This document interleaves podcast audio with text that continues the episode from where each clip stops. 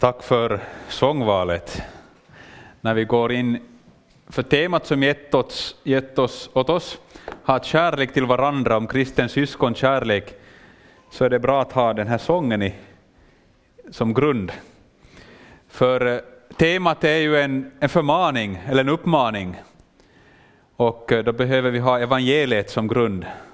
Så är det med den nytestamentliga förmaningen, den bygger på vad vi har fått och tagit emot i Kristus. Och eh, på den grunden så förmanas vi och uppmanas vi att, eh, att sen eh, bland annat då ha kärlek till varandra. Vi ska förenas i bön. Vi tackar dig himmelske Far, jag vill prisa dig för att Jesus Kristus är vår vän och vår bror.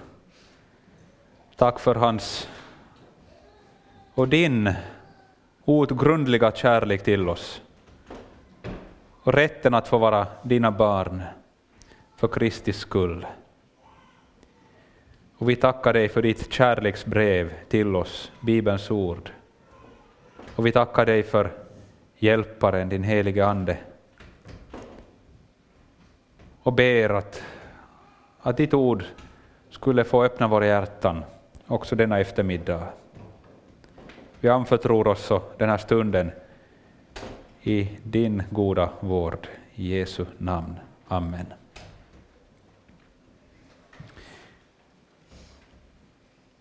Den eh, vers som getts eh, som grund för det här är Johannes 13.35, men jag ville också genast ta den här den föregående versen, vers 34, med här. Eh, och det är Jesus som talar, det är efter att han har tvättat sina lärjungars fötter i, i, i den, den, det sammanhanget som vi finner de här orden. Då Jesus säger ett nytt bud ger jag er, att ni ska älska varandra. Så som jag har älskat er ska också ni älska varandra. Om ni har kärlek till varandra ska alla förstå att ni är mina lärjungar. Eh, Eh, den som är bevandrad lite så kanske vet att det finns olika ord för kärlek i grekiskan. Här använder Jesus det kraftigaste ordet agapao eh, då han uppmanar till att älska varandra och att ha kärlek till varandra. Det är den gudomliga kärleken, agapao, som här används. Eh, och eh, den gudomliga kärleken som Gud har älskat oss med, så den är liksom förebilden för den kärlek som vi kallas att ha till varandra. Eh, alltså det är någonting mer än bara en vänskaplig kärlek, filein, fileo, utan det, det är den gudomligt, den utgivande kärleken som inte ser till objektet för sin kärlek, utan som älskar som ett utflöde, utan krav, utan förväntningar på någonting i gengäld, utan som bara älskar. Det, det är den kärleken som Jesus talar om. Och, och, eh, en sådan kärlek kan vi inte ge vidare om inte vi får den från kärlekens källa, Kristus, Jesus och vår himmelske far. Eh, det, det är bara det vi får ta emot av nåd som vi kan ge vidare till varandra. Eh, och därför är evangeliet så oerhört viktigt i det här sammanhanget också. Eh, att leva av syndernas förlåtelse och leva av, av, av Guds nåd i Kristus och av Guds rika kärlek så att vi kan älska varandra. Nu finns det en, en, en risk att jag lite upprepar också saker och ting som andra har sagt här. Men jag gör det kanske med en liten annan dialekt, jag talar finlandssvenska, så kanske det inte är så farligt, kanske ni hör det på ett nytt sätt i alla fall, även om jag skulle slå på delvis samma spikar som andra har spikat på här denna helg. För jag tänkte nämligen äh, ha, det här är min disposition. Eh, kärlek till varandra i familjen, vi är också syskon i Kristus inom familjen. Och jag ville på något sätt också ta fasta på det, då det var så mycket unga människor här. Eh, glädjande. Och eh, sen då kärlek till varandra i församlingen och också någonting, om vi hinner, om att ha kärlek till människor i världen. Och vi ska börja då med familjen, ha kärlek till varandra i familjen. Det här livet med, med Jesus, det berör hela familjelivet och, och, och livet också utanför familjen, allting. Eh, I Efesierbrevet 5 så kan vi läsa hur aposteln uppmanar oss att eh, ska se.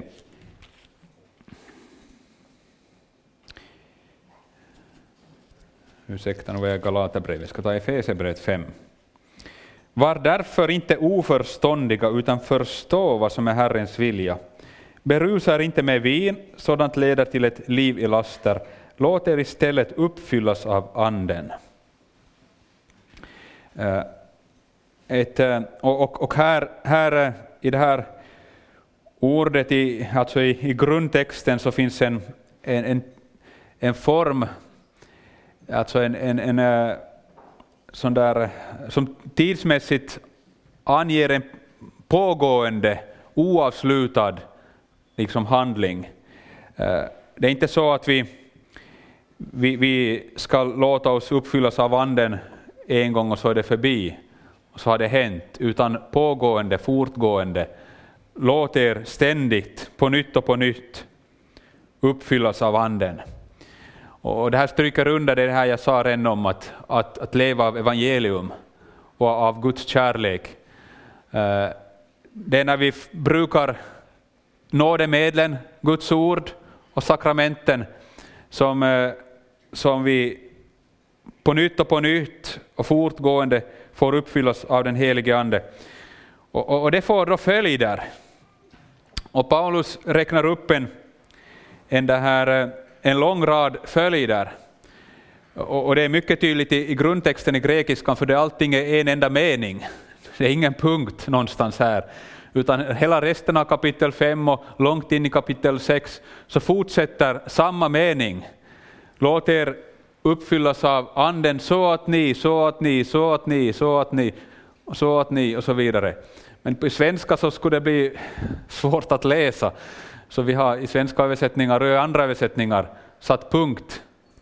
Men så gjorde inte Paulus, utan allt det här är konsekvenser av att uppfyllas av anden. Så att ni talar till varandra med salmer och hymner och sjunger och spelar för Herren i era hjärtan och det är ju det vi har hållit på med här också under detta läger, att, att sjunga och spela för varandra. Att alltid tacka vår Gud och Far för allt i vår Herre Jesu Kristi namn. Att underordna er varandra i Kristi fruktan eller i vördnad för Kristus, enligt någon nyare översättning. Det, det är absolut syskonkärleken här, att, att vi, vi inordnar oss, underordnar oss varandra vi kompletterar varandra och vi, vi, vi tjänar varandra, och det ska vi se mer om. Eh, ni hustrur underordnar era män så som ni underordnar er Herren. Ni män älskar era hustrur så som Kristus har älskat församlingen och offrat sig för den. Ni barn lyder era föräldrar i Herren och, och ni fäder rätar inte upp era barn. Och sen kommer det och fortsätter det med arbetsgivare och arbetstagare och, och så vidare. Och allting handlar om ett, ett följder av att, att bli uppfylld av av den helige Ande. Uh. Familjen är väldigt viktig för Gud eh, och eh, också ett viktigt redskap som Gud använder också i vår tid. Eh, och Gud instiftade äktenskapet mellan man och kvinna och gav dem uppdraget att, att få barn och, och, och att föröka sig och uppfylla jorden. Om vi tänker på Jesus, så det första av, av de tecken som Jesus gjorde var på ett bröllop. Han räddade ett bröllop och, och från brudparet från, och släkten från skam, då han gjorde, förvandlade vatten till vin. Och Jesus betonar att äktenskapet är en gudagiven skapelseordning Ofta lyfter Jesus barnen också i centrum. Och eh, i nytestamentliga breven så familjen värderas väldigt högt. Och, och det här vill jag gärna stryka under i en tid då, då, då familjen i, i det västerländska samhället, familjeinstitutionen bryts ner på många sätt och på många plan. Och Guds plan för äktenskapet så kan vi läsa i, i den här första Moseboken 2.24. Det är någonting som Jesus också upprepar och, och stryker under i sin undervisning. Därför ska en man lämna sin far och sin mor och hålla sig till sin hustru, och det ska bli ett kött. Eh, och eh, här har jag nu satt det här då i, ett, i en triangel, eh, säger att vi ska lämna far och mor. Det är ett offentligt förbund som ingås i äktenskapet. Makarna ska hålla sig till varandra och bli ett kött. Och i olika kulturer så, så ingår man äktenskap på lite olika sätt, men de här elementen är väldigt viktiga och de finns med i Guds skapelseordning. Eh, vad är det vanliga i Sverige idag? De, de som nu ingår ett äktenskapsförbund, hur går det till? Var, varifrån närmar man sig? Hur, hur, fyller man den här triangeln? Jag vet inte om ni får grepp på min fråga. Uh, jag menar väl att, att mycket av det man ser idag är ju att, att man börjar här på något sätt, sexuellt, väldigt tidigt. Det är det som åtminstone i Hollywoodfilmer och mycket annat också, också kanske i svenska filmer, det är väldigt man börjar här och sen, sen blir det nu som det blir med det offentliga. Det kanske inte når ett offentligt förbund. Och att hålla sig till varandra, ja, man kommer någon bit, men, men hur långt, det varierar i Bibeln så, så var det vanligt att man började här uppe, att, att det här offentliga kom först. Det var eh, släkten som kom överens med varandra om, om, vem som, om, vi, om barnen som skulle gifta sig, och, och, det var inte sagt att de kände varandra så väl. Så är det ju i de här patriarkberättelserna, och så är det också idag i många kulturer om vi går längre österut. Men, men det här, kanske här hos oss så, så är det kanske härifrån vi vanligen tänker att vi, vi gärna börjar, att vi lär känna varandra. Eh, kanske på ett kristet läger som jag och min hustru i tiden, då vi var unga. Det var på ett, ett kristet, läger, kristet läger som, som, som vi blev vi är förälskade i varandra, jag och Karina då vi var i ton, slutet av tonåren. Och det var kärlek vid första ögonkon, ögonkastet kan vi säga då min hustru kom cyklande in på parkeringen och, och jag kom med en stor transit med bilen full med ungdomar. Och vi la märke till varann. Och det var vår början. Och sen lärde vi känna varann under ett flertal olika läger. Vi kom från olika församlingar, olika orter. Och, och, och, eh, och sen har vi ofta en, en tid av sällskapande och, och så kom förlovning och, och sen då småningom ett, ett offentligt förbund. Och eh, då efter det, alltså man fyller det härifrån till att bli ett offentligt förbund och sen att bli ett kött. Och det är sen någonting som pågår hela livet ut. Man, man blir inte ett kött eh, genast. Alltså fysiskt kan man bli det på ett, på ett sätt, men, men det tar ett liv att lära sig att älska varandra. Kroppsligt, andligt, själsligt, det, det tar aldrig slut. Vi får växa i, i kärleken till varandra. Eh, och, eh, eh, och att, att hålla, hålla sig till varandra, det är också eh, en frestelse för många, det var, hörde jag i bibelstudiet just också, att det kan komma annat som kommer i vägen. Hur vanligt är det inte att, att människor säger vi bara växte ifrån varandra? Eller vi, vi fick så lite gemensamt, vi bara växte isär. Eh, ett äktenskap så, så det här behöver vårdas, så som man vårdar blommor, eller slutar man vattna dem så dör de. Och ett äktenskap ska behöva friskvård hela livet ut. Man behöver ha tid för varandra, man behöver prata med varandra, man behöver ge varandra komplimanger, man behöver ha fysisk närhet, omsorg, ge varandra gåvor eh, och så vidare. Det, det, det är ett, ett, eh, ett livslångt uppdrag. Ni som är unga här så vill jag fråga att, att eh, ber du för den som du eh, ska gifta dig med? Det är bra, några nickar. Om du inte har gjort det innan så gör det gärna till en god vana. Jag var 14 eh, när det var en, en, en eh, äldre, han var inte så mycket äldre, han var nog tonåren han också, men han var några år äldre än jag. Och vi låg och småpratade på ett läger på natten. Och så frågade han mig att brukar du be för den du ska gifta dig med? Det hade jag nu aldrig som kommit att tänka på. Jag var då 14. Men den kvällen bad jag första gången medvetet för Karina som jag inte då kände och hade träffat. Och jag fortsatte med det varje kväll före jag somnade. Och vi hade varit gifta redan några år då det en gång slog mig att den där tiden då jag började be för min hustru, det var samtidigt som hon fick veta att hennes pappa hade cancer.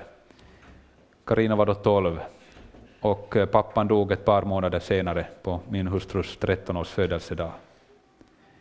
Och det blev starkt för mig att jag hade, Gud hade satt på mitt hjärta att be för min blivande hustru, när hon hade en av sina svåraste tider i, i livet och höll på att mista sin pappa. När vi ber för den vi ska gifta oss med, så tror jag mycket av bönesvaret är det att Gud formar oss själva, så att vi blir de personer, den person som eh, kan ge kärlek, kan älska min, den blivande hustrun eller, eller den blivande mannen. Att Gud får forma oss. Vi ska inte fråga så mycket att vem är den rätte för mig, utan istället vända på frågan och ställa, och ställa den så att för vem kan jag bli den rätte? För vem kan jag ge mitt liv? Vem, kan jag, vem kallar Gud mig till att älska? Ett livslångt äktenskapsförbund.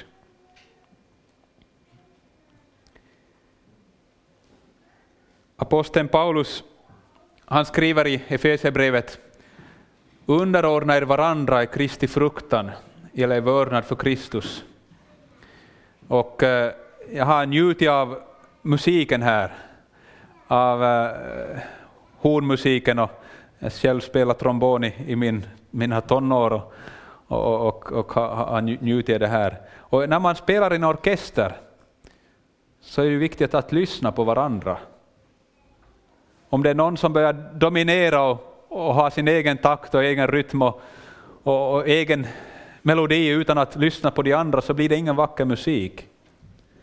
Utan man lyssnar på varandra och fyller ut varandra i olika stämmor så det blir fina, vackra harmonier.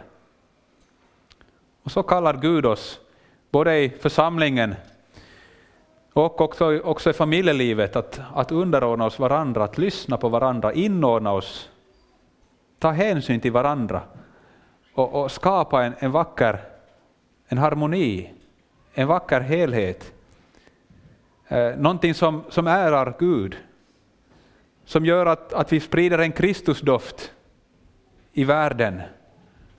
Att människor ser på, på oss och förstår att dessa människor, de har någonting som jag själv saknar. De bär på någonting som, ja, var kan jag få del av det?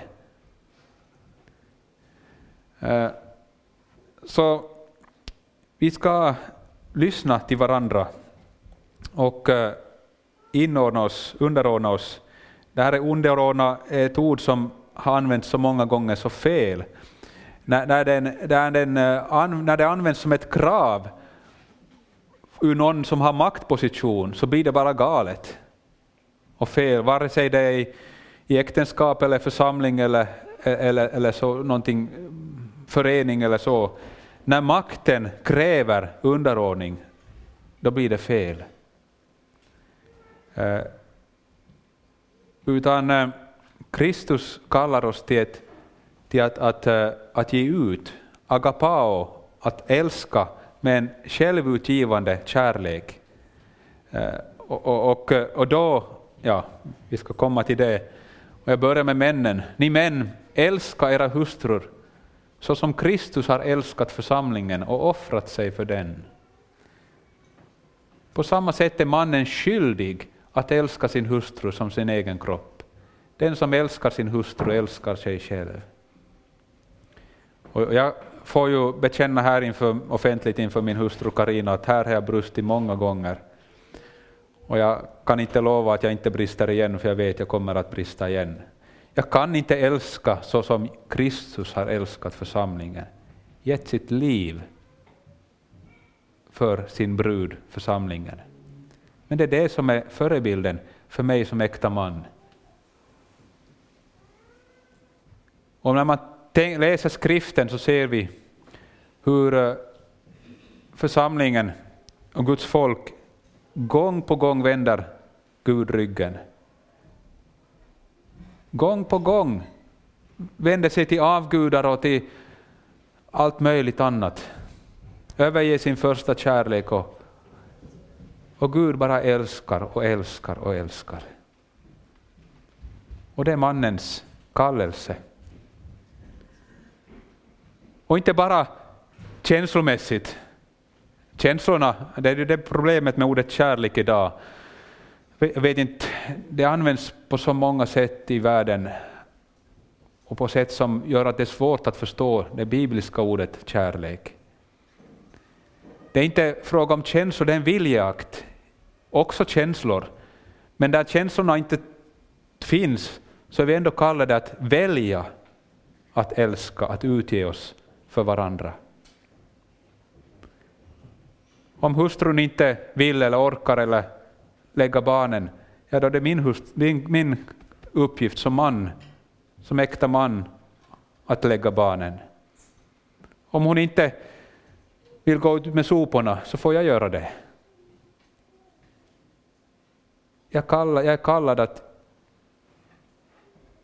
att utge mig själv, utge mitt liv, ge upp mina egna önskningar och älska min hustru.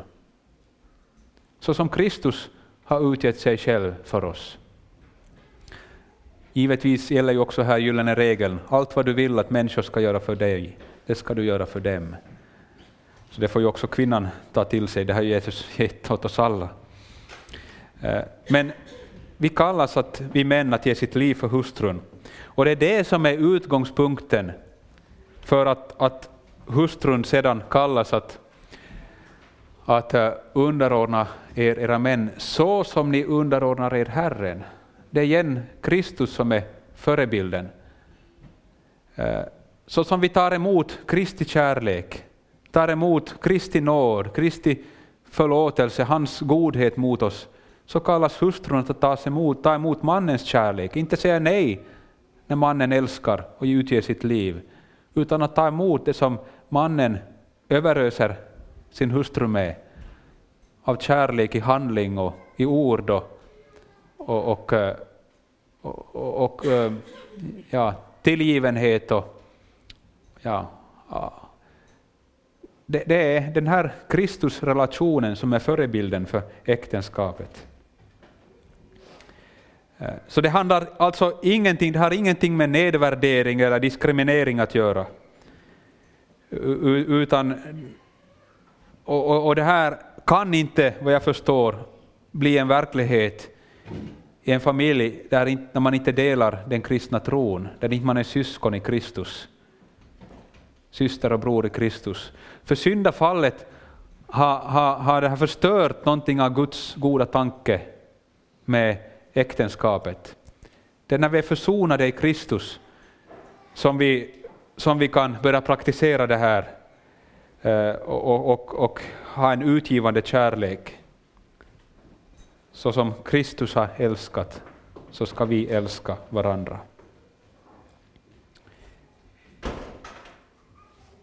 När det gäller sexualiteten så är Bibeln radikal. Mycket radikal. Mannen ska ge sin hustru vad han är skyldig henne, och på samma sätt hustrun sin man.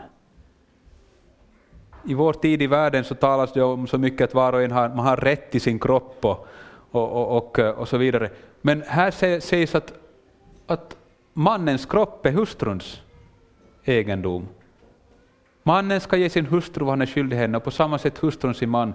Hustrun bestämmer inte över sin kropp, det gör mannen.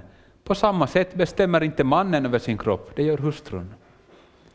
Är man ett kött så är man ett kött. Man delar någonting så fullständigt med varandra. Andligt, själsligt, fysiskt hör man ihop. Och, och eh, här får vi också genom livet eh, man skulle säga öva oss eller lära oss att, att ta hänsyn till varandra, lyssna på varandra, kommunicera med varandra, eh, ge varandra och själva. Det är utgivande kärlek för varandra som, som vi, vi lever ut. Guds goda gåva som sexualiteten är. Han gav den före syndafallet, gav han det till, till man och hustru och sa och se, det var mycket gott. Det hör till Guds goda plan för äktenskapet.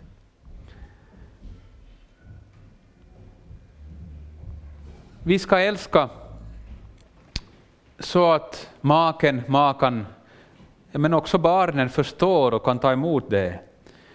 Det är inte bara rikssvenska och olika dialekter och finlandssvenska, det finns mycket språk i världen och kärleken har också många språk.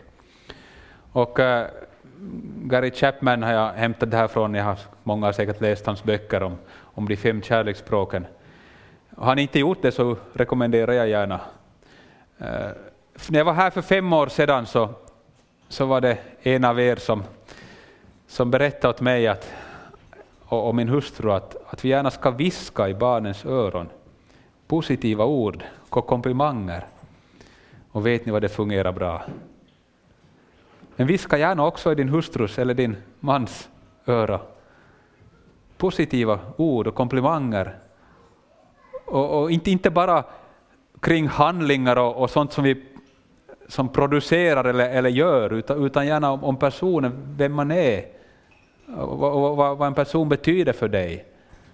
Tala positivt och ge komplimanger till varandra. Det är, en, en, det är viktigt för alla för någon kan det vara det främsta kärleksspråket. Och får man då höra mycket gnäll och skäll så, så blir man dränerad till slut och upplever att man inte är älskad. Att ha tid tillsammans med varann är väldigt viktigt. Och särskilt viktigt kan det vara för någon, kanske för dig. Du upplever dig älskad när den du älskar ger dig odelad tid när ni gör saker tillsammans.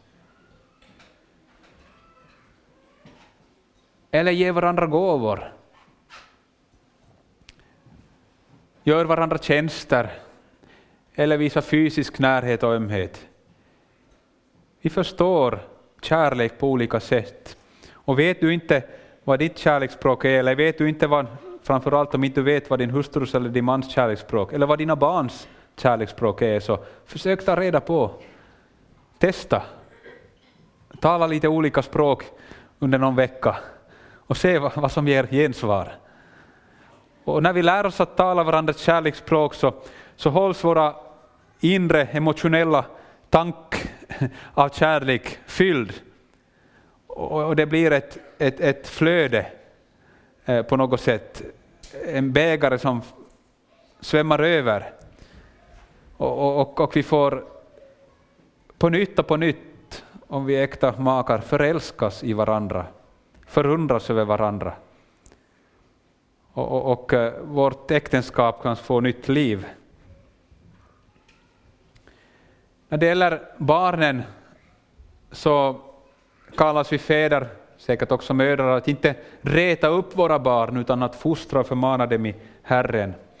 Speciellt är det viktigt för att vara en förebild i, i det egna livet det var Henrik här som, som visade mig någon forskning om, som visar på hur viktigt pappornas roll är när det gäller barnens, eh, om barnen eh, förblir kristna och, och, och, e-, eller inte.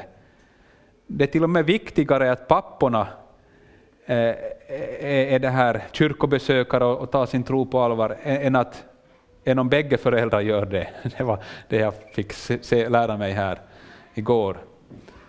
Pappans roll, att du som pappa tar fram Bibeln och läser den i barnens åsyn.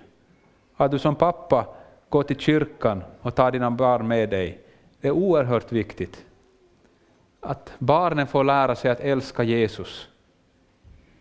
Men också att du vågar visa din svaghet. Eh, att du bekänner dina synder inför barnen när du gjort dem illa eller om du inför dem gjort din hustru illa. Så bekänn det också inför barnen. Lär dem att leva i förlåtelse och att förlåta varandra. Reta inte upp era barn. Och I Kolosserbrevet, parallellstället, så, så, så talas det om att, och det hörde vi i bibelstudiet här för en timme sedan, att, att inte, så att inte barnet tappar modet, att, att det inte tappar den här självkänslan. Det, det, det, är så lätt att hacka ner på barn och förstöra deras självbild och självkänsla.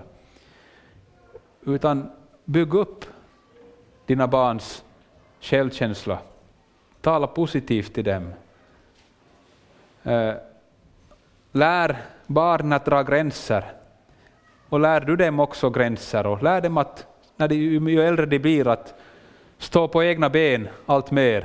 Det är ett ständigt att släppa efter och dra tillbaka och släppa och dra tillbaka när barnen kommer i tonåren. Ge dem frihet inom trygga gränser. Det är hemkomsttider och det är skärmtid och det är det, är det ena och det andra.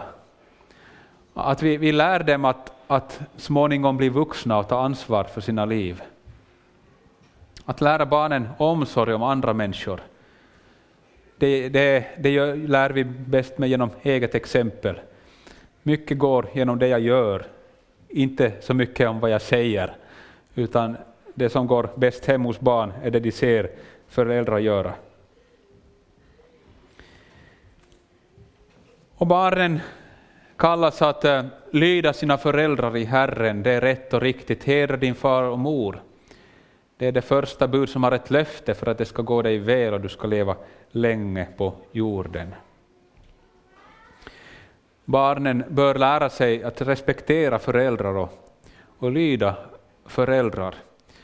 Och, och, och när föräldrar som älskar sina barn, ger trygga gränser och som igen har den här agapao, den här utgivande, självutgivande kärleken, då blir det, inte, då blir det mycket lättare för barnen att, att respektera och lyda sina föräldrar. Skapa trygghet genom gränser.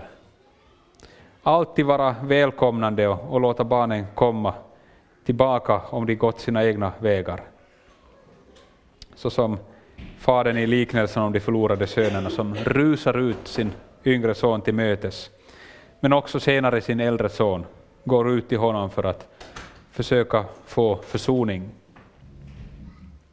Och Jesus, han är också barnens förebild. Jesus, eh, det står om honom att han lydde sina föräldrar i allt, då de vände tillbaka från Jerusalem då de har varit i templet och Jesus var 12 år, så står det om Jesus att han lydde sina föräldrar i allt. Och eh, vi som har äldre föräldrar, att ha, ha omsorg om dem och också svärföräldrar och kanske öppna familjen för ensamma och åldrande släktingar, ensamstående vänner, främlingen, invandraren, flyktingen. Det handlar om att allt det också om att hedra far och mor och hedra dem som, som eh, behöver en omhändertagande större storfamilj.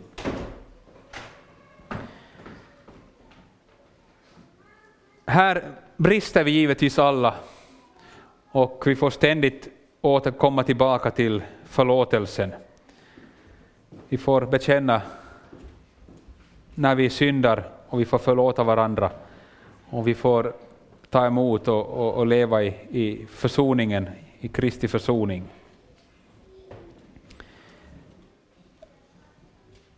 Tre, fyra minuter dela med din bänkgranne någonting som du har tänkt på här under den här första, första delen.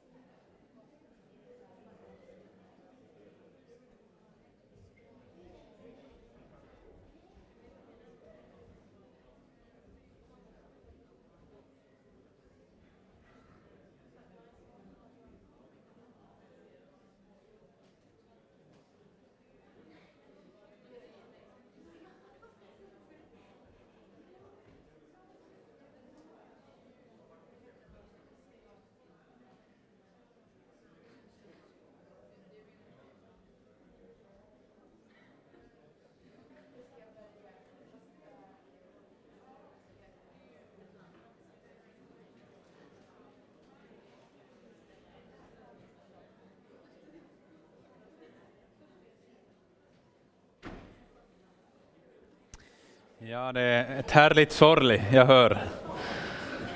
Ja, du, ursäkta att jag avbryter. Vi ska gå vidare. Ha kärlek till varandra i församlingen.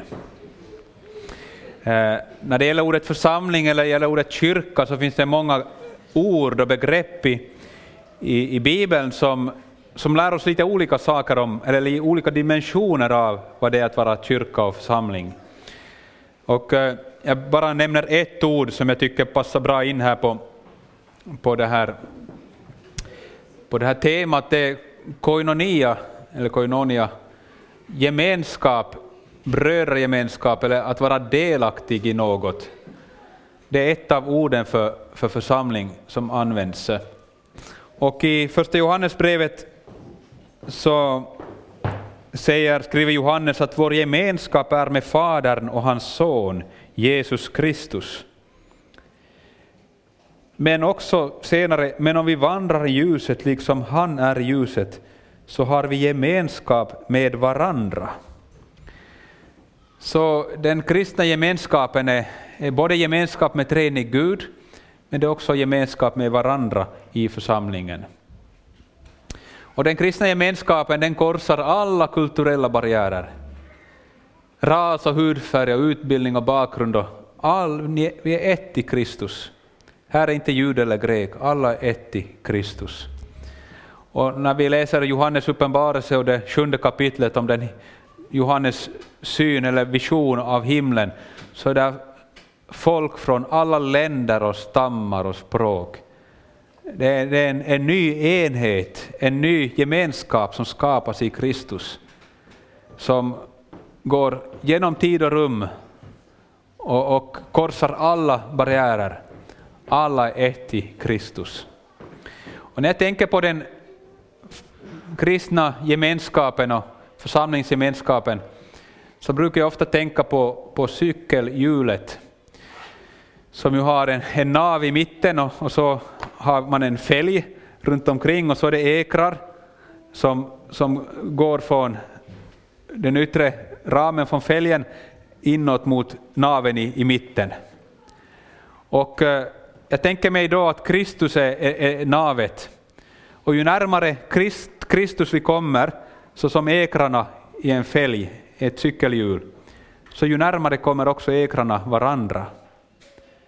Och, och, och, så, det är bilden jag har av, av, av kristen gemenskap och, och, och församling.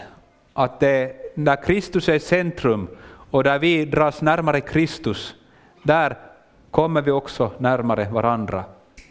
Och, och det är ljuset som är så viktigt. Om vi vandrar i ljuset, liksom Gud är i ljuset, han är i ljuset, så har vi gemenskap med varandra.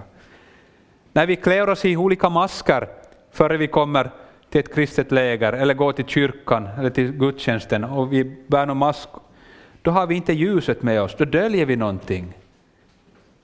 En, vi har ett sken som inte är äkta. Och då det blir ett hinder för gemenskapen. Men när vi vågar vara svaga för oss själva, när vi vågar ha en dålig dag, när vi vågar berätta hur vi har det där hemma, också dela sorger och kamper och synder med varandra, då fördjupas gemenskapen. För vi kommer närmare Kristus. När vi ber varandra om förlåtelse. Ja, ju närmare Kristus vi kommer, desto mer också, närmare kommer vi också varandra. Om vi vandrar i ljuset, liksom han är ljuset, så har vi gemenskap med varandra. Kristus kallar dig och mig att älska och tjäna i hans kyrka, hans världsvida kyrka, men också i den lokala församlingen. Petrus uppmanar att tjäna varandra var och en med den nådegåva han har fått som goda förvaltare av Guds mångfaldiga nåd. Aposteln Paulus skriver, sök då att i överflöd få sådana andens gåvor som uppbygger församlingen. Sök också vinna de andliga gåvorna, framför allt profetians gåva. Sträva efter de nådegåvor som är störst. Och så fortsätter, fortsätter aposteln med att beskriva ja, hans kärlekens eh, lov, första Korinthierbrevet 13. Vi är kallade att, att ge våra liv för varandra, att tjäna varandra. Med de gåvor Gud har gett oss. I församlingen ska ingen se ner på sig själv och tänka att nej men jag är ingen musiker, inte finns det någon uppgift för mig. Jag kan inte predika, vad gör jag här? Eller jag vet inte hur man ska sköta om barn och ha söndagsskola, inte finns det väl någon uppgift jag kan göra i. Jag har ju inga gåvor. Jag kan inte det ena och inte kan jag det andra. Nej, säger Paulus. Om foten sa det, eftersom jag inte är hand hör jag inte till kroppen, så hör den ändå till kroppen. Vi ska inte se ner på oss själva. Vi ska inte se ner på de gåvor som Gud har gett oss. Alla har fått en gåva, eller flera gåvor. Alla behövs. Och Paulus säger också, ingen får se ner på den andra. Vem är du? Varifrån kommer du? Vad har du för gåva? Du, du kan väl ingenting? Eller, eh, du kan ju inte göra det här så vi, vi behöver dig inte. Nej, inte så. Ögat kan inte säga till handen, jag behöver dig inte. Inte heller huvudet till fötterna, jag behöver er inte. Alla behövs. Och Paulus säger, men nu har Gud satt lemmarna i kroppen, var och en av dem som han har velat. Det är inte du som bestämmer vem som ska höra till din församling. Det är Gud som har satt dina medmänniskor, dina systrar och bröder i Kristus, i din närhet, på den ort där du är, här i Vännäs eller i Umeå eller var du finns. Vi får inte välja, det är Gud som har valt för oss. Och vi är kallade att, att utge oss för varandra i kärlek, att ha kärlek till varandra och att tjäna varandra med de gåvor som Gud har gett oss. Så att det blir till nytta, inte för mig först och främst, utan för församlingen. Det sker till, till varandras och till församlingens uppbyggelse, så att Gud får ära och att människor utanför församlingen ska få se ett kristet vittnesbörd och kan nås av evangeliet. Och eh, Bibeln, Nya Testamentet har ju olika listor på, på nådegåvor och det är en, en stor mångfald i dem. Och jag själv så ser det nu närmast som exempel och inte som några fullständiga kataloger, utan närmast som exempel på olika gåvor som behövs och finns i Kristi församling. Ja, apostlar tänker jag att inte finns längre idag. De var ögonvittnen till Kristus. Apostlarnas, det är Apostlagärningarna 1 så ges, definierar klart kraven på en apostel och Paulus också, han måste, man, många betvivlade hans apostoliska uppdrag och han får säga att men jag har sett Kristus. Och, och, och eh, det har inte någon senare gjort. Men i övrigt så dessa gåvor behövs i den kristna församlingen. Och, och vi kallas att, att söka efter dessa gåvor, finna ut att vad är det för gåvor som Gud har gett mig. Alla ska vi tjäna, men det finns en särskild glädje i att tjäna i, i de kallelser, i de gåvor som Guds ande har utrustat var och en med. Och, och, och där får vi hjälpa varandra att, att finna våra gåvor.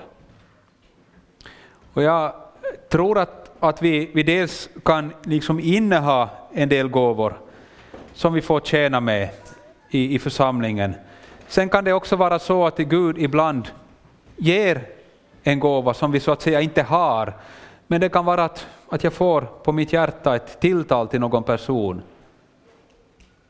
Jag vill, Gud sätter på mitt hjärta att ring den där människan. Säg till henne eller honom det och det.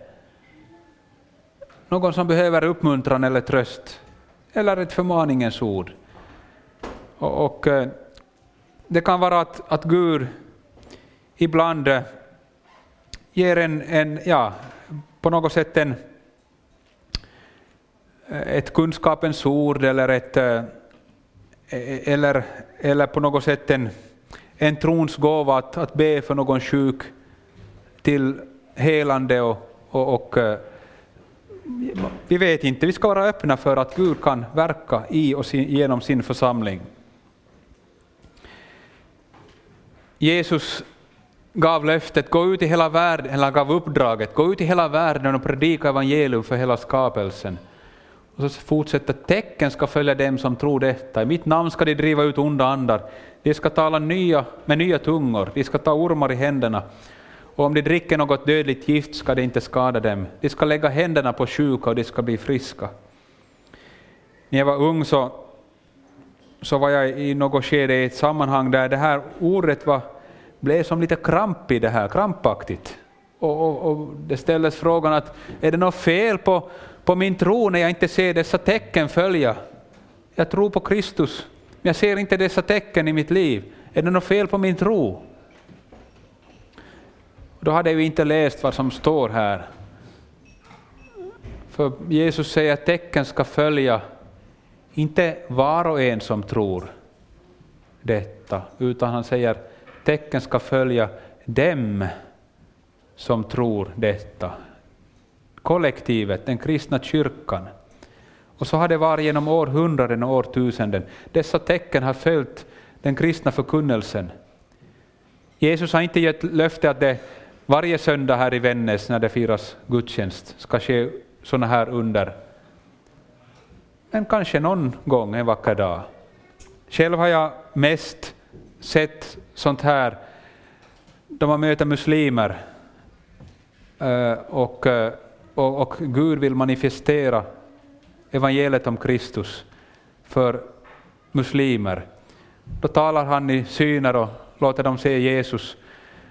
Då kan, kan någon bli ögonblickligen botad från sina fysiska sjukdomar till, till, som ett, ett, ett, ett yttre, en yttre bekräftelse på den förkunnelse som predikas. Jag tror vi ser mindre av dem mitt inne i den kristna församlingen där det är redan färdigt troende som, som samlas. Utan det, det är mer av, av, av, mission där evangeliet möter nya människor, där Gud, där han ser det för gott, bekräftar ordet med, med, yttre, med yttre tecken och under. Men vi får vara frimodiga att be för varandra och andra människor. Vi ska också ha kärlek till varandra i det jag kallar gråzonen. Vad menar jag med det? Jo, jag menar det att Bibeln inte har ett klart svar i alla frågor som dyker upp i vår egen tid.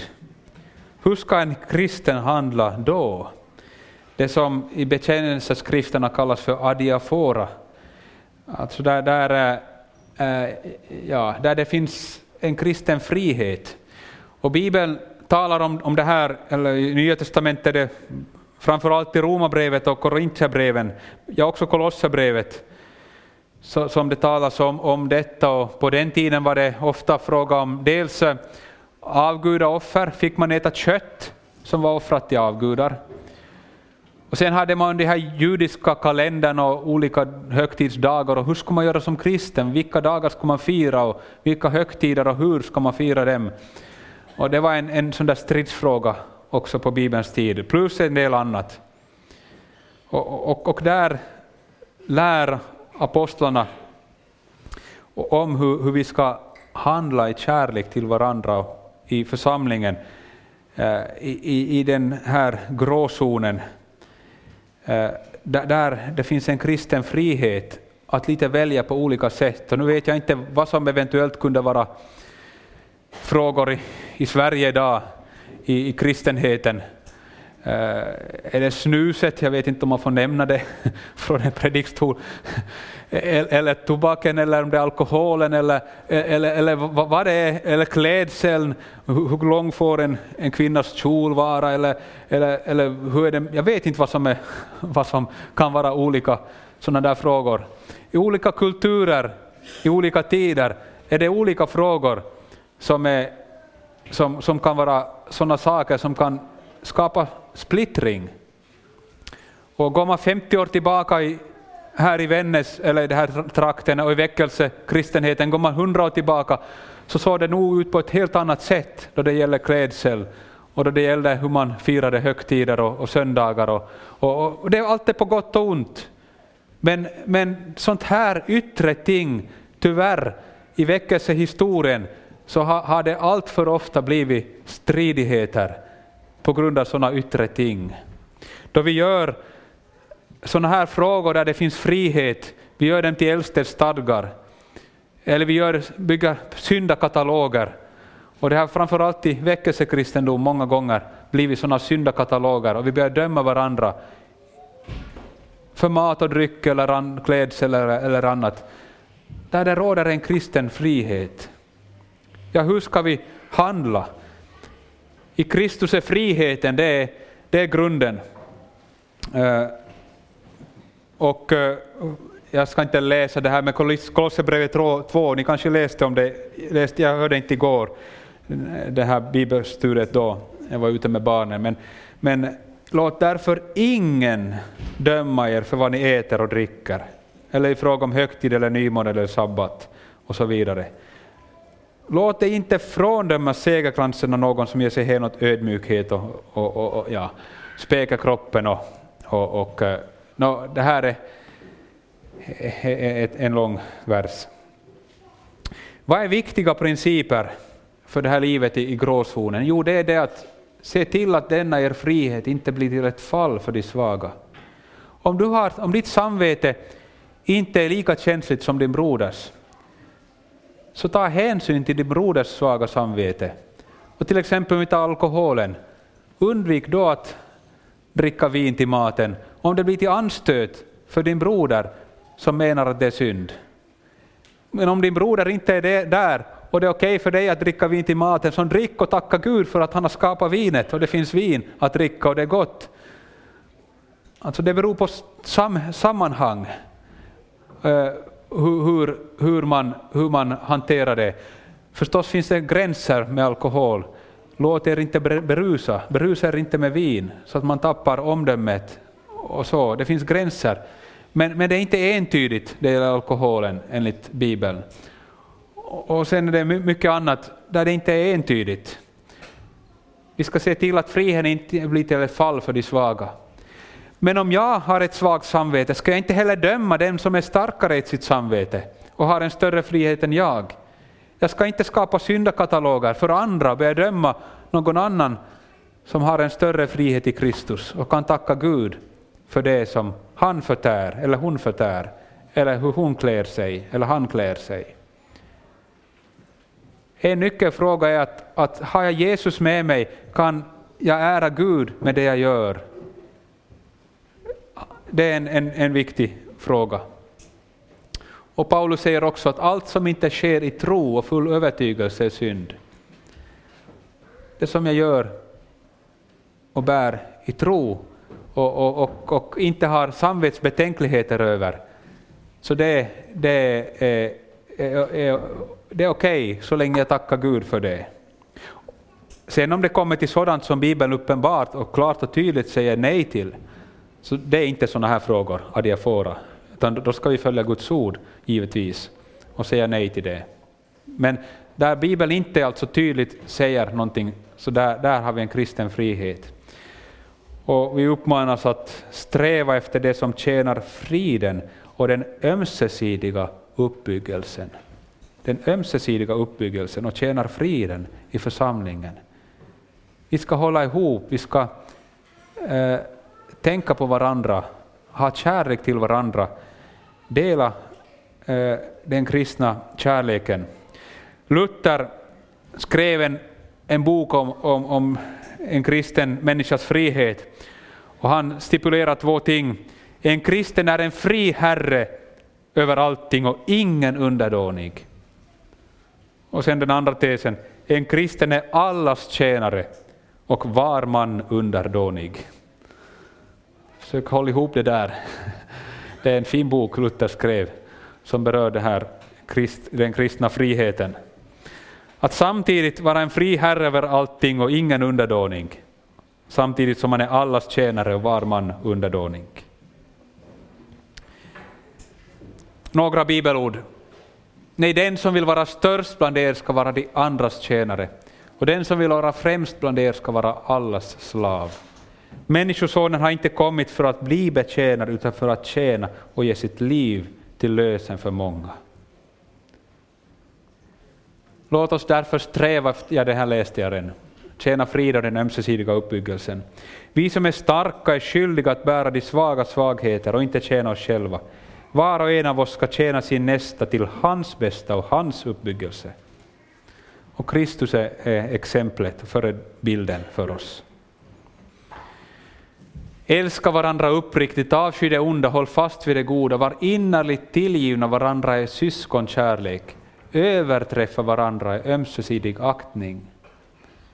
Ja, när det gäller syskonkärleken behöver vi inte skriva till er.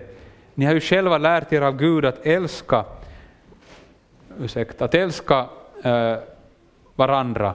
Och den kärleken visar ni alla bröderna i hela Makedonien. Men vi uppmanar er bröder att göra det ännu mer. Sätt en ära i att leva lugnt och sköta ert och arbeta med era händer så som vi befallt er, så att ni väcker respekt hos de utomstående och inte behöver sakna något. När det gäller att utge sig själv, som vi kallar det till, så, så vill jag också visa på ännu ett bibelord. Eh, Galaterbrevet 6 som talar om att vi ska bära varandras bördor. Men i det sammanhanget sägs också att var och en ska bära sin egen ryggsäck, eller sin egen börda. Det kan ju finnas också den risken att, att man i, någon i den kristna gemenskapen börjar utnyttja församlingen och, och, och liksom förväntar sig bara att, ja, inte tar ansvar för sitt liv, inte bär sin egen börda, sin egen ryggsäck, utan bara förväntar sig att, liksom att andra ska gränslöst bara fylla ens behov. Man slutar arbeta och slutar ta ansvar för sitt liv, men det är inte bibliskt. Bibeln uppmanar var och en av oss att arbeta med våra händer, göra rätt för oss, bära vår egen ryggsäck, vår egen börda, att vara myndig och vuxen och ta hand om, om, om sin, sitt liv och sin, sitt, sin familj, sitt ansvar eller det sammanhang man är i. Men sen ska vi bära varandras bördor. Sen kommer det dagar när mattan dras undan fötterna. För tio år sedan så miste vi vårt hem i mögel. Vi fick sätta lösöret till sophögen, stor del av lösöret. Vår ekonomi kraschade ordentligt. Vilken nåd det var då man ibland i ett handslag kunde få en sedel intryckt i handen eller finna ett kuvert i postlådan av någon okänd person. Eller inför jul kom Fridsföreningens diakonigrupp med en låda full med snällmanskorv och kött till vår familj. Att lära sig ta emot gåvor från kristna systrar och bröder då när det är kris och när man inte vet hur man ska få mat på bordet. En sådan diakonal kärlek får vi också öva oss att dela med varandra. Och det blir ett, ett vittnesbörd i församlingen, men också utanför församlingen.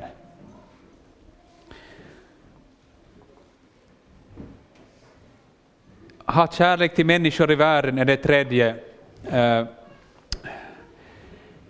jag säger väldigt kort här att vi kallas att vara jordens salt av Jesus och att vara världens ljus. Att inte gömma undan ljuset utan sätta det på ljushållaren så att det får lysa för alla i huset. Jesus kallar oss att, att låta ljuset lysa för människorna så att de ser våra goda gärningar och prisar vår far i himlen. Och likaså saltet, att genomsyra det samhälle vi lever i. Vi ska leva i vårt yrke, i den kallelse Gud gett oss var och en. Där i förvärvsarbetet, i vardagen, det där har du din vardagsgudstjänst. Ditt arbete är Gud skapat och givet. Det är också någonting som Gud gav före syndafallet, gav han oss arbetet. Att förvalta och ta hand om skapelsen. Då tjänar vi Gud och vår nästa. Vi, vi kallas ja, sätter nära i att hålla er lugna och sköta ert och arbeta med era händer så som vi befallt er. Så väcker ni respekt hos de utomstående och lider inte brist på något. Det gör en stor skillnad på arbetsplatsen om du lever ut din tro och tjänar Kristus på din arbetsplats. Du ser det som din gudstjänst, det gör en stor skillnad för din omgivning och det väcker garanterat respekt och det väcker, väcker eh, nyfikenhet.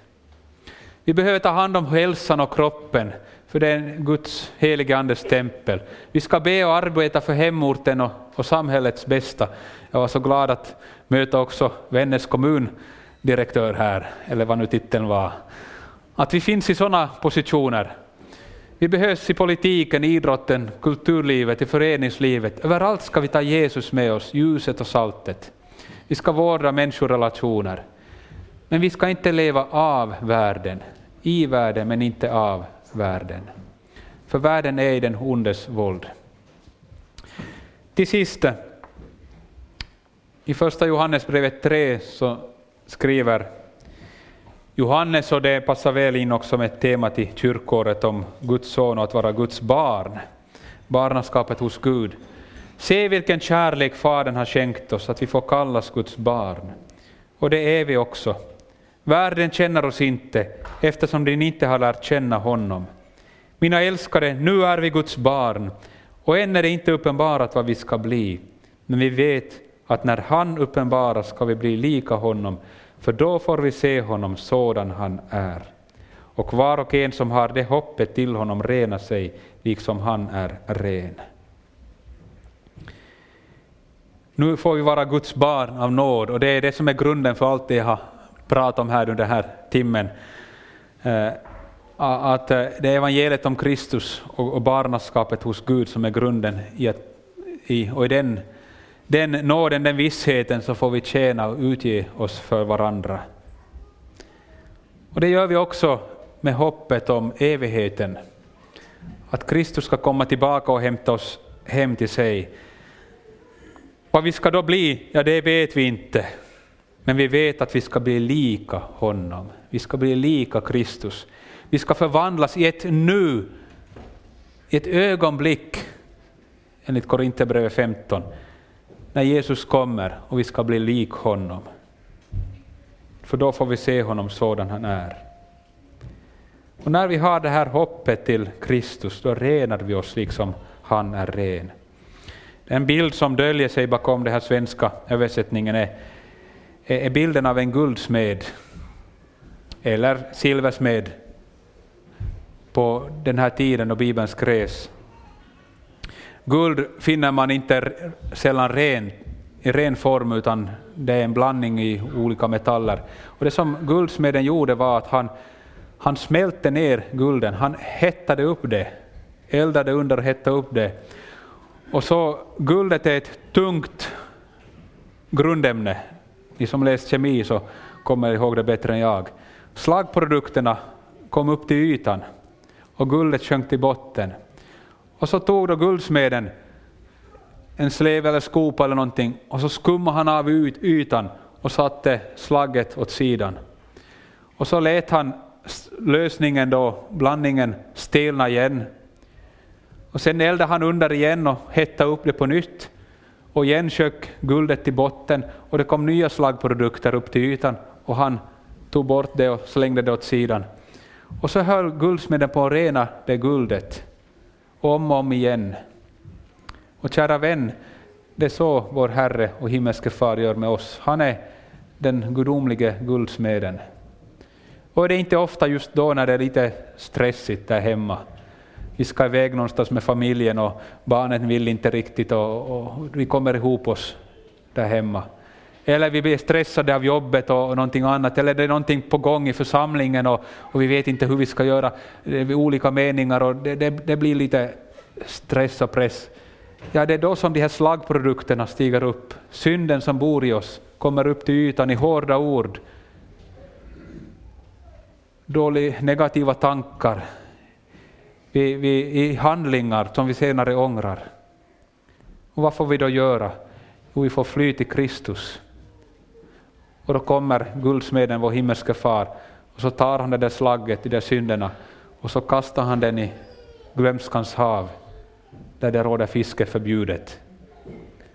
Och det här är helgelsen. Och det är en process som vi lever genom livet som kristna.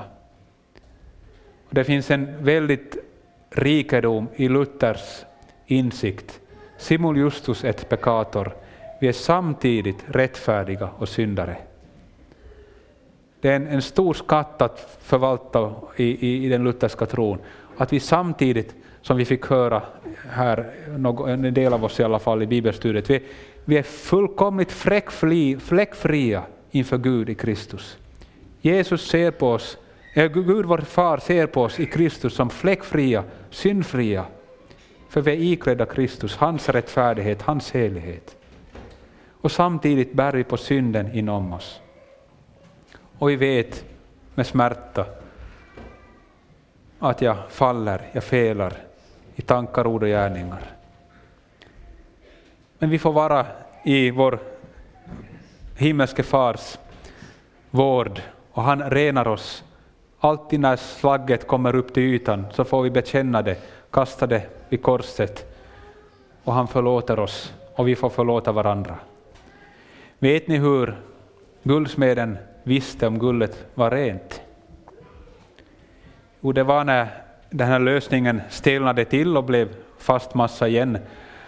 Och guldsmeden kunde ta det och se sin egen spegelbild i guldet, kunde använda guldet som en spegel, då var det renat guld. Och så kommer vår himmelske far en dag att se oss, då vi förvandlats och blivit Kristus lika. Då ska ingen synd vara mer, ingen sorg, ingen plåga. Ingen fruktan, ingen själviskhet. Då har vi blivit Kristus lika. Ära vare Fadern och Sonen och den helige Ande, så som det var begynnelsen, nu är och skall vara, från evighet till evighet. Amen.